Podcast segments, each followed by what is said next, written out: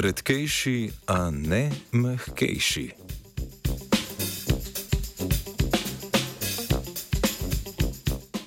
Ameriška raziskovalna skupina je v reviji Physical Review Letters poročala o strategiji mehansko stabilnega pakiranja trdih kroglic s poljubno majhno gostoto.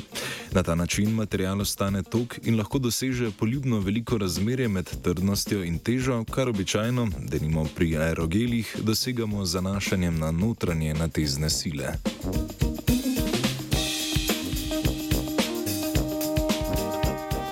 Za izhodišče zasnove materijala so raziskovalke in raziskovalci diske razporedili v strukture z dolgimi mostovi, ki ustvarjajo velike vrzeli in omogočajo pakiranje s poljubno majhno gostoto. Problem takega modela je neodpornost na deformacije, čemu se je raziskovalna skupina izognila z različnimi primeri polmeri diskov. Model so razširili na tri dimenzije, zasnovo stabilne strukture zgrajene iz šestih mostov trdnih kroglic in tako dobili togo pakiranje, ki je natezno stabilno in ima izjemno majhno gostoto. Limitni model ničelne gostote, v katerem imamo neskončno veliko kroglic, so poimenovali dionizijsko pakiranje, kot nasprotje apolonskemu, pri katerem s fraktalno porazdelitvijo krogl vedno manjših polmerov zapolnimo celoten prostor. Thank you.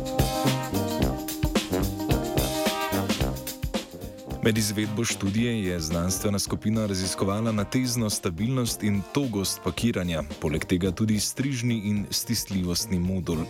Tako so lahko strukturne lastnosti teoretično zasnovanega materijala primerjali z ostalimi stisljivimi trdninami. Z raziskavo so dokazali teoretični obstoj izjemno lahkih in izjemno, izjemno trdnih materijalov ter podali načrt za njihovo izdelavo. Do takrat bo potrebnega še nekaj premisleka in raziskav, recimo vpliva trenja med kroglicami.